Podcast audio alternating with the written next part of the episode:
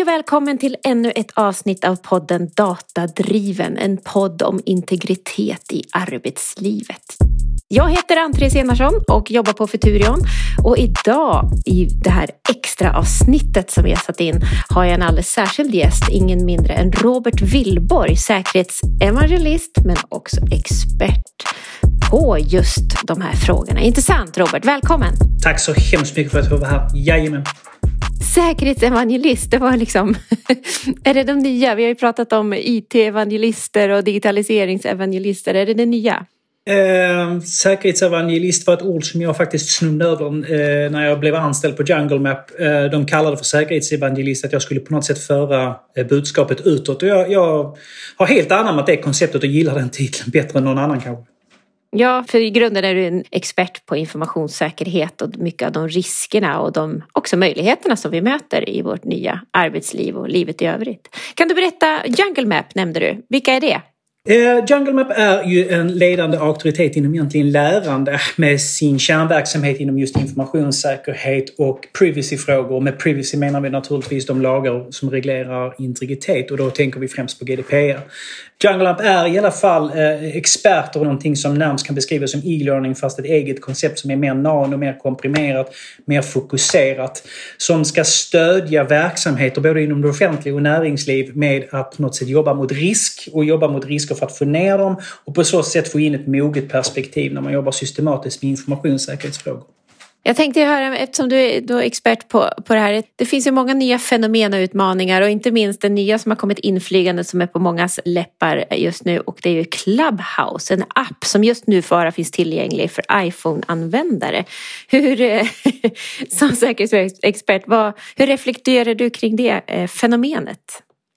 Eh, fenomenet tog mig faktiskt ganska så, eh, om man nu får använda ett engelskt begrepp, off guard eller ganska på sängen om man tar det svenska. Eh, själv nappade jag ganska så fort. Eh, jag tillhör en ganska så udda form av experter som ser möjligheterna med sociala medier och de forum för att komma ut och ta plats. Men som är allmänt känt att även vi kan ju ibland vara snabba på hanen. Eh, så omedelbart egentligen, eller ganska så snart, så tog jag ett steg tillbaka och funderade på egentligen vad, vad är det här för risker? Vad, vad, vad, är det egentligen som, som jag ger upp som privatperson och vad är det egentligen jag ger upp som yrkesmänniska? Och då startade naturligtvis någon form av systematiskt tänk som, som finns hos de flesta experterna eh, idag. Mm. Ja, för det är ju en app som, bara för de eh, nya lyssnare, så är det en app där man kan, ja, många liknar den faktiskt vid Heta linjen. Ja, det är nog en ganska bra beskrivning faktiskt.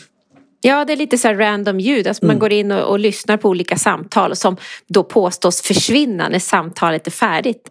Och frågan är väl om de gör det. För många har det varit liksom en efterlängtad kanal där, där liksom samtalet snarare än pucklandet på Twitter som kanske är mer känt som eh, har varit väldigt efterlängtad som samtalskanal. Och en del har sagt att det är världens smartaste sätt att eh, kunna tanka av oss data och uppgifter om oss. Är det så? Är det så du tänker? Jag, jag, tror det finns en sanning i bägge lägren faktiskt. Eh, eh, jag vill ändå påstå någonstans att vi måste ta ett steg tillbaka och se egentligen vad Clubhouse är. Clubhouse är egentligen inget nytt fenomen utan det har ju funnits i Silicon Valley i alla fall klart tio år internt. Eh, sen är väl det här precis som vilken livscykel på ett socialt media eller forum att det till slut expanderar och till slut så får det någon form av fotfäste i den riktiga cybervärlden och då sprids. Ehm, jag, jag vill någonstans påstå att jag tror att det, i och med att det finns en sanning i bägge lägena så skulle jag vilja nog ta ett steg tillbaka och säga att jag tycker mig se att det finns ett behov för att sprida information på ett annat sätt än det som har blivit de traditionella sätten att sprida information eller ta del av information. Och då pratar vi om WhatsApp, Instagram, Facebook och alla de andra. Som de senaste åren definitivt skulle jag vilja påstå vi kan lägga helt tryggt under epitetet ett monopol på den sociala medieinformationen. Mm. Men, vad behöver vi tänka på eh, när det gäller just Clubhouse? Är den mer eller mindre os osäker eller säker? Vem äger datan där?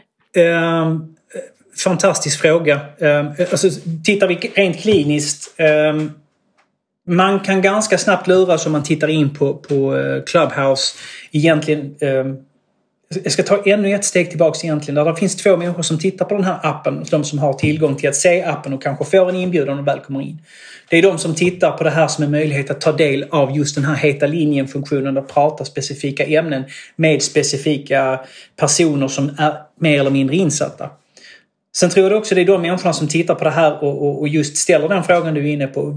Vem är det egentligen som lyssnar? Vad, vad händer med min information? Jag tror den medvetenheten har ökat definitivt eh, i, i takt med att vi blir cybervuxna. Eh, mentaliteten ibland tycker jag nästan kännetecknas av, av en, en tonåring oavsett ålder. Att vi beter oss lite grann som, som tonåringar ute på nätet. Att det är på liv eller död. Att antingen är du där, antingen syns du eller så är du ingen på nätet. Och där ligger väl en viss sanning i det rent psykologiskt. Men om vi tittar på Clubhouse så tror jag att grundarna inte förstod hur stort det här skulle bli. Och för att möta behovet av alla de här människorna som strömmar nu till Clubhouse så har man nog outsourcat att leta upp servrar för att få hastighet och kraft. Och det här är väl egentligen signifikant för att säkerhet kommer inte i första rummet kanske. Eller mer specifikt integritetsskyddet kommer inte i det första rummet eh, här heller utan det gäller att komma ut och synas och höras annars finns du inte där. Och då har ju det eh, bevisligen hamnat servrar i Singapore och det pingas mot kinesiska servrar. Och den, den, den, den vänsterländska approachen i detta här är ju att det är inte så bra.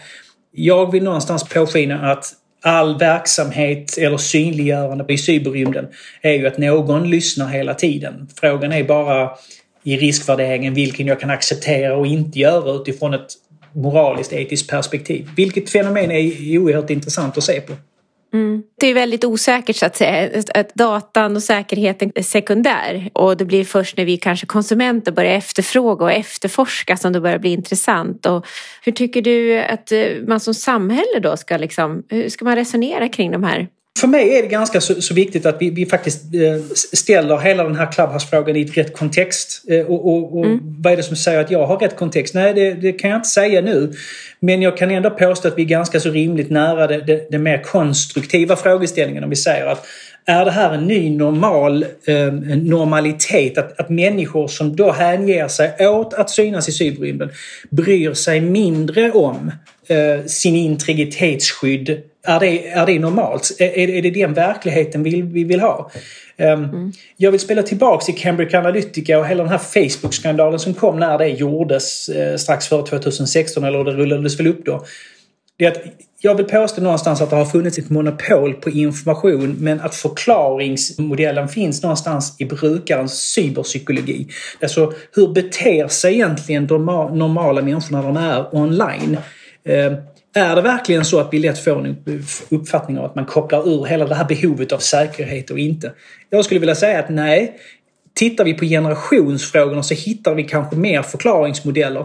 Många tror att de äldre är osäkra online för att de inte kan tekniken. Jag säger det är fel.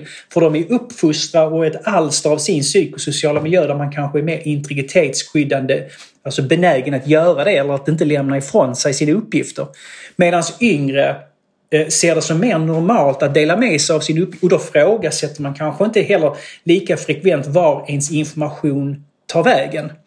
Hur spelar det då in i ett säkerhetskoncept? Alltså är Clubhouse en osäker app?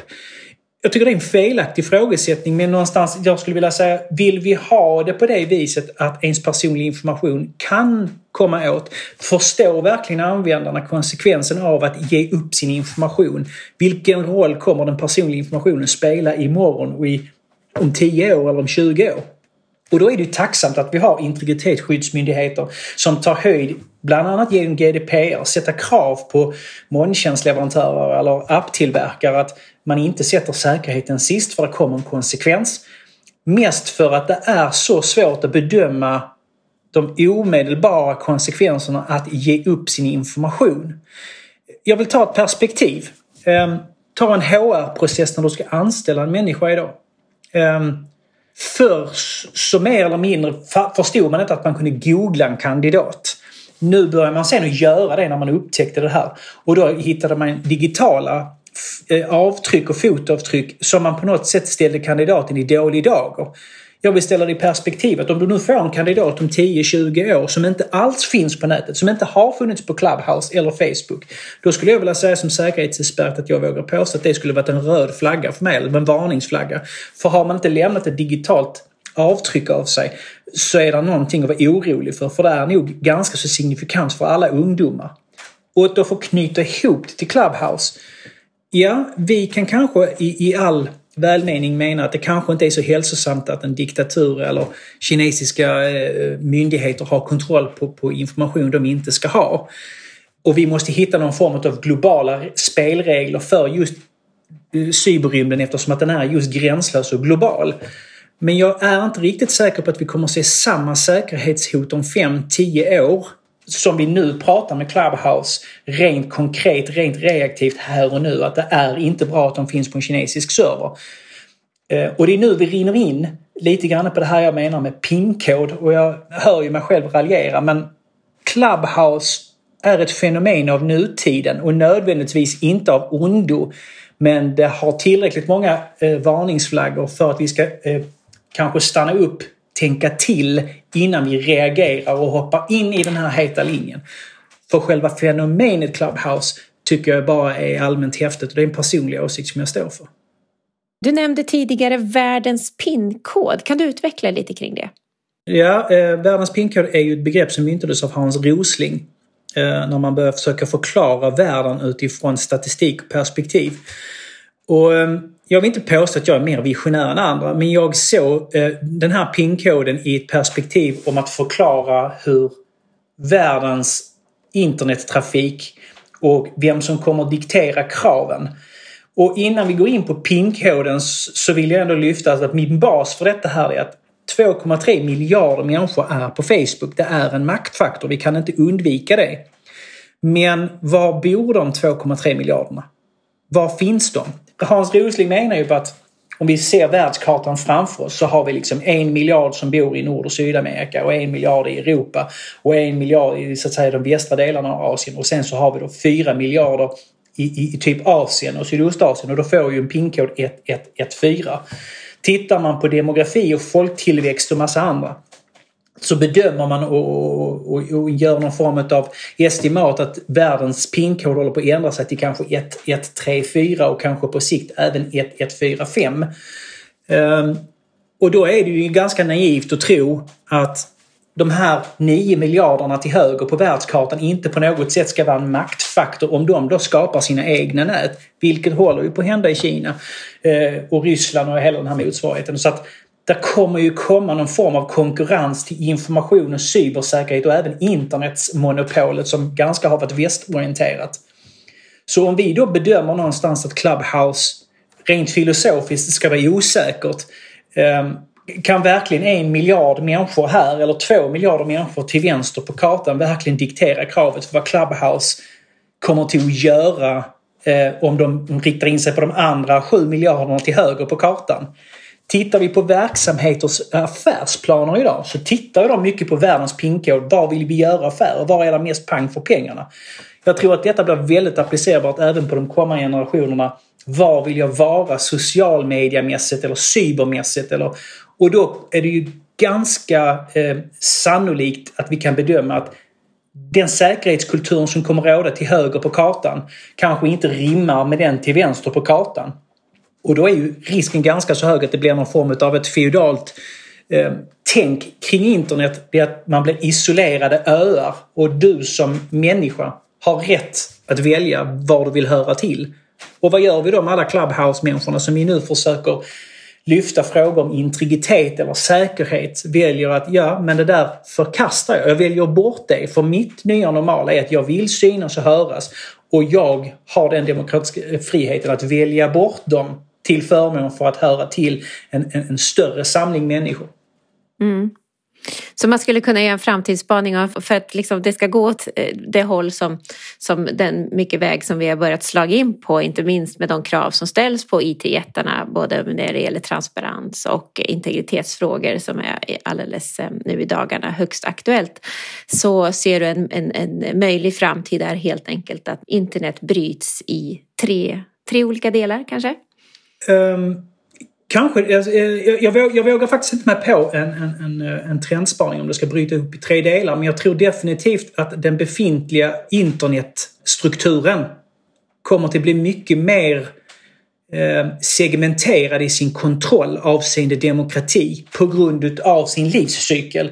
Snarare än att det sitter ett fåtal människor som lyckas eh, kontrollera och behärska sett till nycklar eller eh, vad det nu än handlar. Så det kommer ju naturligtvis få inverkan på, alltså det långsiktiga perspektivet, hur säkerhet och integritet kommer att ske på internet. Det är jag helt övertygad om.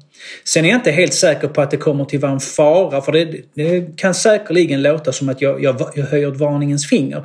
Snarare tvärtom så skulle jag vilja påstå att jag är nog den som förespråkar ett mer öppet och transparent samhälle. För jag tror att om vi väljer att ha som norm att förstå att inte exploatera en annan människas privata information eller data för egen vinning och det är, jag förstår att det är en utopi. Men skulle vi ändå komma till någonstans där den där cyberrymdens norm och sedvana är att man ändå har någon form av respekterande grej.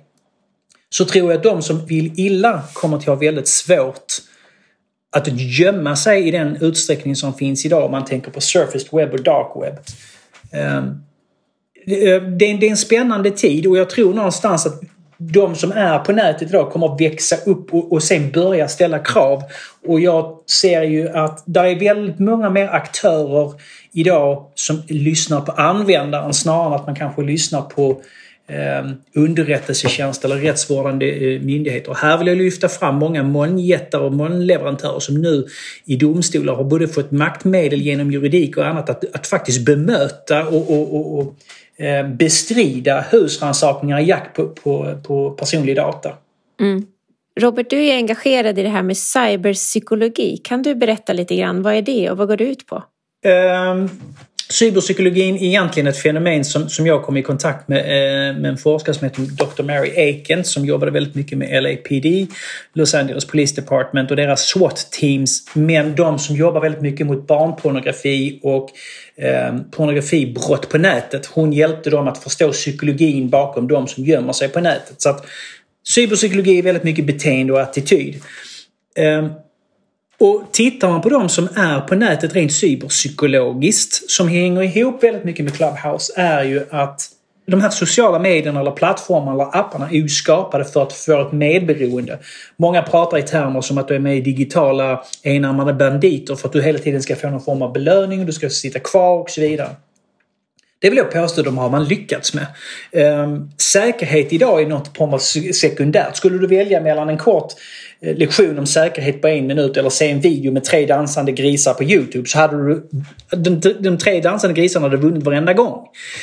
Men vad säger det? Man kan alltså garva åt det och man kan tycka det här är, ja men så är det nog. Ja men varför är det så? Jo det är för att det är så lättillgängligt. Och gör en social app, Clubhouse eller Facebook, det är lättillgängligt så har vi egentligen två läger inom säkerhet. Att antingen så kämpar vi med, med klor och tår och fötter för att på något sätt göra folk compliant. Att ändra deras beteende att vara, efterleva säkerhet.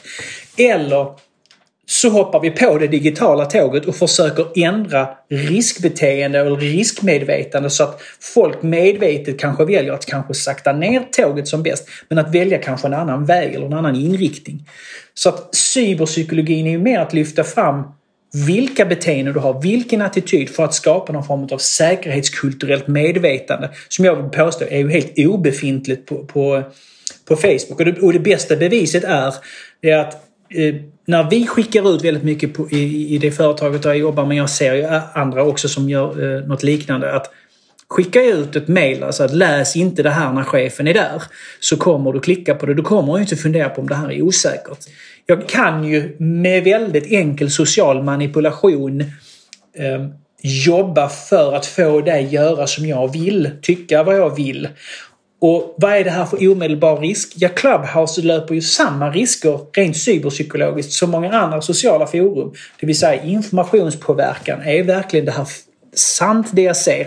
Eh, deepfakes som är ju någon form av fejkade videoklipp som levererar samhällsviktiga nyheter för att påverka eh, opinionsbildningar. Jag vill gå personligen så långt att Twitter har ju en helt ny riskanalys att göra när man inser att man faktiskt kan påverka ett val. Eh, ingen nämnd, ingen glömd. Med bara Twitterinlägg. Eh, så att sociala plattformar inklusive Clubhouse har en oerhörd maktfaktor. Men de har ju blivit maktfaktorer för att det är så lätt att använda dem och att nå ut med sitt budskap. Eh, det här kan vi ju få hur många journalister att vittna om som helst. Och då är det ju naivt att inte tro att cyberpsykologin spelar in i säkerhetsarbetet. Så antingen kan jag möta det och mota det eh, Olle i grinden, vilket inte kommer att lyckas. För folk reagerar väldigt negativt på begränsning att du får inte, du, du kan inte vara på Clubhouse. Jag tror inte det är vägen fram.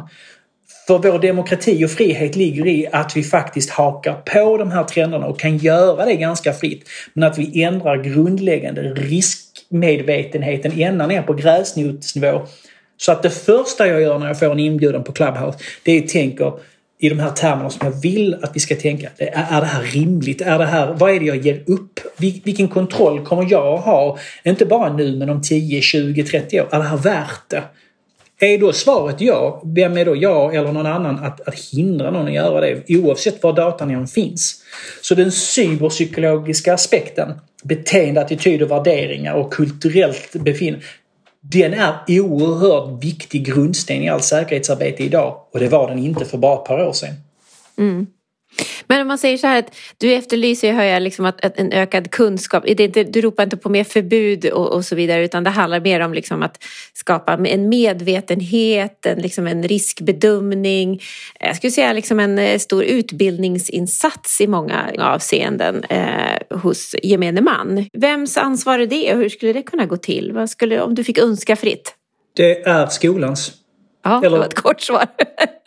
ja, nej, men det, det är skolans men i förlängningen så, så, tycker jag någonstans där, eh, precis som eh, säkerhetsföretagen har ju sin mässa och regeringen sitter och pratar om, om säkerhetspolitik eh, och, och man, man, skapar förband som cybersoldater och man cybersäkerhetscenter. Alla de här sakerna är extremt bra.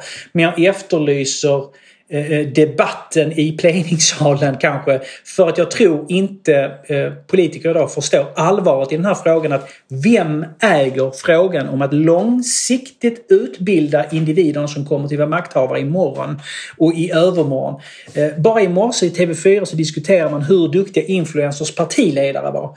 Ehm, frågan är, är det här rimligt att förvänta sig av en partiledare och politiker i en demokrati att de måste behärska sociala medier? Ja, mitt svar är absolut. Vill du vara med och höras och synas och nå ut med ditt budskap så är detta här en absolut självklarhet. Vi kan inte stanna det digitala tåget. Och då faller ju ansvaret att du ska i alla fall ha så pass mycket kunskap och, och, och förmåga att kunna göra rationella och mogna eller på något sätt sunda beslut. Men det kan jag inte bara lyfta ut någon som är 10, 15, 20, 30, 40, 60 och säga att nu ska jag lära dig om säkerhet på nätet. För de har redan muskelminnesmässigt redan börjat använda sig av beteende och attityder där. Därför måste jag genom nudging eller positiv påverkan föra dem i rätt riktning för att tänka i risktermer. Samtidigt som jag då säger så här, ja det är skolans ansvar och det är, det är regeringens ansvar att ge skolan uppdraget att föra in cybersäkerhet och integritetsskydd på schemat extremt tidigt. Hur tidigt? Ja, lågstadiet. För kan en lågstadiemänniska idag sätta igång en iPad och logga in där så kan man faktiskt mycket pedagogiskt och enkelt eh, lära de här barnen att göra säkerhet. För säkerhet är ingenting du har. Säkerhet är någonting du gör idag. Och jag tror någonstans att pedagogiken och retoriken är viktigare nu. Och det är bevisat även genom forskning att så är fallet. Snarare än att det säkerhetsmässiga innehållet är begränsande eh, alltid grundat i en sund strategi för att problemet är människan. Eh, vi kan bara gå tillbaka till Integritetsskyddsmyndigheten. De släppte sin rapport ett år med GDPR och även den här nu med två år GDPR. Vad är incidenterna? Jo, incidenterna är ju individer som gör fel. Eller som begår misstag. Alla eh, verksamheter, både offentlig och näringsliv, kan ju vittna om att den största utmaningen de har, det är ju medarbetaren. Att utbilda dem innan de blir motarbetare. Det är det och trots det så oroar man sig fortfarande för det externa hotet när det interna hotet är extremt stort. Och det, för mig finns det bara ett sak och det är börja från början att utbilda, medvetliggöra, lyfta upp. Eh, ha en dialog med både mina barn men även vi vuxna gemensamt eh, sinns vartannat. Även om det kanske är jättetråkigt att sitta på en midsommarfest och diskutera sociala medier. Men jag hade gärna haft den debatten lite oftare och lite tydligare och framförallt från ledarskapet i regeringen. Mm. Det var ett bra svar kan jag säga. Jag, har inga följdfrågor på det mer. Det var liksom bara mer så amen. på den kände jag. Ja, men det är också en risk för mig att jag på något sätt eh, övertygar dig om en sak. För att jag tror att framtiden ligger också att vi inte umgås med eh, ja-sägare. Vi måste ha en öppen debatt. För jag tror också att det är ena vägen om vi tar ett annat problem relaterat till sociala medier, framförallt Clubhouse har jag redan sett det. Det är ju nättrollen och näthatet. Du ska inte kunna få lov att gå oemotsagd. För det är de alternativa faktans moder. Det är när du får gå oemotsagd. Och jag vet, det är många av de här eh, som gömmer sig bakom någon form av retorik som verkar mer skolad men det är ett maktspråk för att trycka ner dem som Eh, man orkar till slut inte bemöta dem för de, de nöter ner en. Men det är ju där vår framtid är. Den är ju digital. Så då måste vi utbilda folk att verkligen kunna ifrågasätta på sunda grunder och sen ha modet att kunna utmana eller i, i de bästa fallen då och nu tänker jag främst på våra barn, ute på sociala medier. Att man vet om att den där tummen ner betyder inte lika mycket som de där 10 000 tummarna upp. Och att man har så mycket självkänsla och stöd av sina nära och kära i sina kluster eller sina community man finns. Att man inte behöver gå till cyberskolan och känna en klump i magen. För det tror jag många gör idag. Även på Clubhouse eller på Facebook. Mm, helt korrekt. Om jag byter lite perspektiv till det här att, vi har börjat, att cybersäkerhet har ju fått en helt annan inte helt annan, men, men för mig och för många andra som, som helt plötsligt fick sitta och jobba hemma vid köksbordet nu det här året som har, som har passerat. Eh, då kommer ju säkerheten i ett helt annat perspektiv eh, när vi ska överföra information och många har överhuvudtaget inte ens kunnat, i alla fall initialt, inte kunnat sätta sig hemma eh, i, i, säkerhet så att säga från smittan på grund av, av att det har varit för hög risk för företagens information. Hur ser du på det? Cybersäkerhet och distansarbete. Var börjar man som, som företag och medarbetare där? Eh, den blir jättesvår att svara på för att den, är, alltså, den resan är jätteunik för varje företag. Nu, nu, nu börjar vi verkligen landa i när företag säger att vår verksamhet är unik. Nu är jag verkligen benägen att hålla med. Ja, varje, varje verksamhet är i sanning unik. För man har nog fått väldigt mycket klart för sig hur långt man har kommit i digitaliseringen. Eh, det har nog snarare varit den större utmaningen att folk ska kunna iaktta någon form av infrastrukturell säkerhet på distans. Det vill säga hur efterlever jag säkerhetskraven på kontoret fast nu när jag är hemma och har hemmakontor.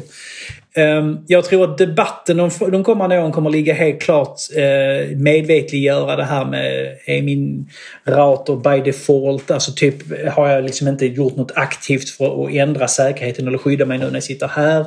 Eh, verksamheter kommer nog att fundera väldigt mycket mer på VPN, alltså virtuella privata nätverkstunnlar för att på något sätt säkra kommunikationen. Men jag tror definitivt att tittar vi från ett cybersäkerhetsperspektiv, informationssäkerhetsspecialisterna har nog blivit väldigt varse om vidden av deras ansvar. För ansvaret ligger faktiskt inte hos HR lika mycket som att det ligger i ett kombinerat ansvar eller holistiskt ansvar i verksamheten. Att sörja för att se att informationssäkerhetshoten kommer från människor som nu sitter hemma som inte har reglerade arbetstider. De är online 24-7 i verkligen sann bemärkelse. Där kommer massa följdsjukdomar på det eh, som depressioner, eh, psykosocial eh, hälsa ute i cyberrymden där du, där du sitter isolerad, dina åsikter och tankar går oemotsagda. Eh, det kommer ju att bli en oerhörd risk för infrastrukturen då du är benägen bevisligen att begå mer säkerhetsavsteg, risker och hot får ett helt annat perspektiv när du sitter hemma och mår dåligt och är ensam.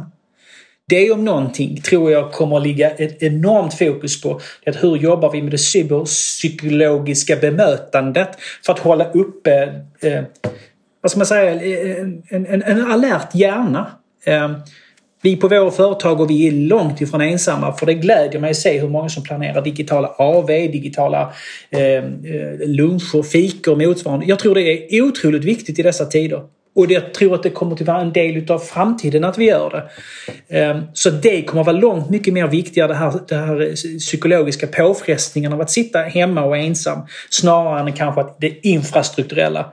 de som har upptäckt att de är efter i digitaliseringen kommer ganska snabbt komma ifatt för det är väldigt reaktionärt. Det är väldigt kortsiktiga lösningar som ska till. Det är kanske en mjukvara som ska skruvas lite grann på eller motsvarande. Men de långtgående effekterna från cyberpsykologin Eh, när det gäller ensamhet eller depressioner eller stress och att man gör fel på nätet, för det är fullständigt mänskligt att göra det. Den är en mer långsiktig lösning som, som kommer få inverkningar att jurister, HR, säkerhetsfolk jobbar ihop för att skapa någon form av hållbar process. Vilken oväntad spaning från en cybersäkerhetsspecialist att ensamheten var större eh, hot än själva programvarorna. Eh, jag tror att vi kommer få anledning att djupa i vart och ett av dina perspektiv Robert som du har eh, tagit upp med oss idag. Allt ifrån skolans roll och integritet, cybersäkerhet och framförallt cyberpsykologin och hur vi beter oss och att vi också blir så belönade av våra beteenden på nätet. Och eh, jag önskar att jag får fortsätta samtalet i, både i och utanför podden med dig och jag önskar dig en fortsatt trevlig dag. Tack så mycket! Tack så mycket!